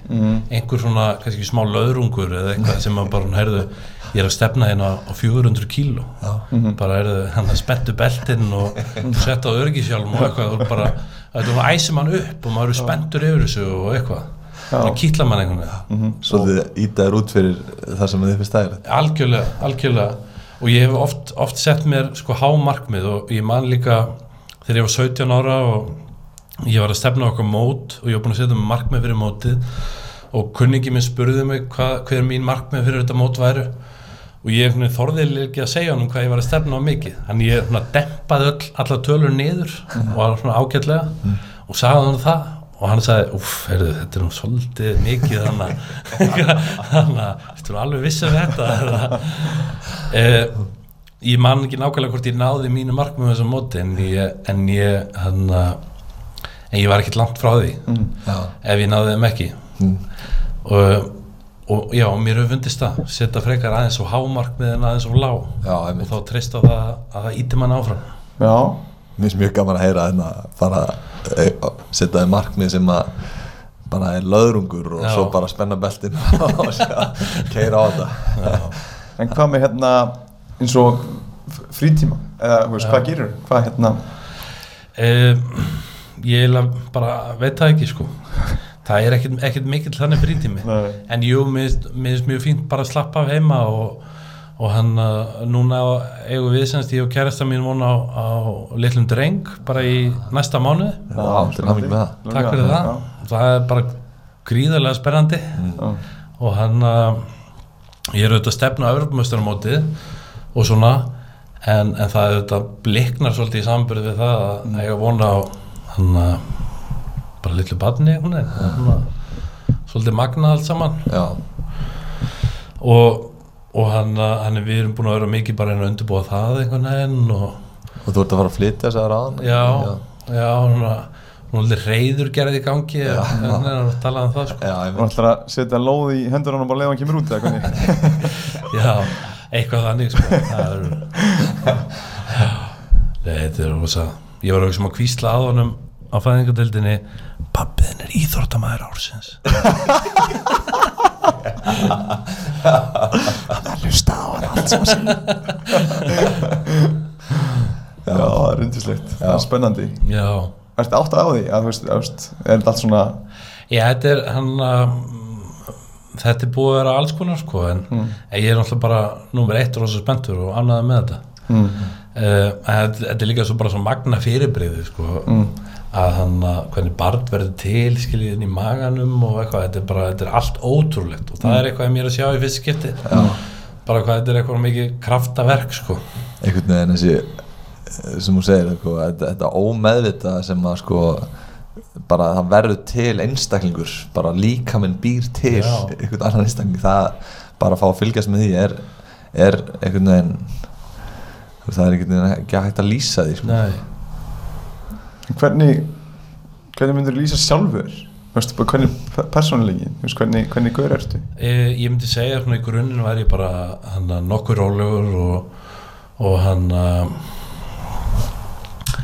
já, ég myndi segja það bara nokkur rólegur og, og e, get kannski mist mig í svolítið stríðnisbúka það er kannski aðal svona, svona eitthvað vinnustæðagrín og eitthvað svona. E, ég er svona alltaf að reyna að ná, ná stjórn betur á þeim hluta af mér sko. Þetta hann að gerist nú oft í grunnskóla ég svona misti bara stjórn sko og glimti mér einhverju gríni sko. Oh. en það er nú eitthvað sem ég er svona unnið tölvört úr sko. Það var alls konar þannig en hann skulum ekkert fara, fara út í það svona ránar en Ertu á stuða fólk í kringu eða? Já, eða, eða bara sko gleyma mér einhverju bara gríni og hlaupa inn í starfræðtíma í einhverjum öðrum bekk og henda einhverju í eitthvað eitthvað svona sko. Ákveðin húmor í rauninni? Já, já, já. En hann að sem betur hef ég róast tölvöld það er bara þú finnir jafnvæði svolítið. Já, já, svo ég æði náttúrulega körfubolta líka í fimm ár sko, í, á grunnskóla aldri mm. Og það er náttúrulega eins og því þekkið og röglum fót, fótboltanum, það er þessi svona búningaklefa menning sko, og, þetta, og þetta verður svo, oft svo þéttur hópur og, og vinnir og svona. Já, og það er einhver hluti af þessu líka sko. Já, einmitt. Algjörlega, en hérna við erum bara heldig, orðin heldig góður. Já, Þetta var alveg frábært spjallilega bara uh, hvað er við, þetta er íþróttamæður ársins nummer 2 sem við spilum var ekki íþróttamæður Björk, já. ársins þegar hún kom ykkar er einhver annar? Við erum bara að herja taka, taka síðan Takk ársins. En bara takk alveg spjallið, það er rosa gaman að fá einsinn inn í það sem þú ert að gera og sjá bara fá að skiknast aðeins að baka tjöldin á svona uh, frambærlegum íþróttamanni. Bara þakka að kella fyrir. Gangi ég vel. Já, takk kærlega fyrir og gaman að koma hérna til ykkar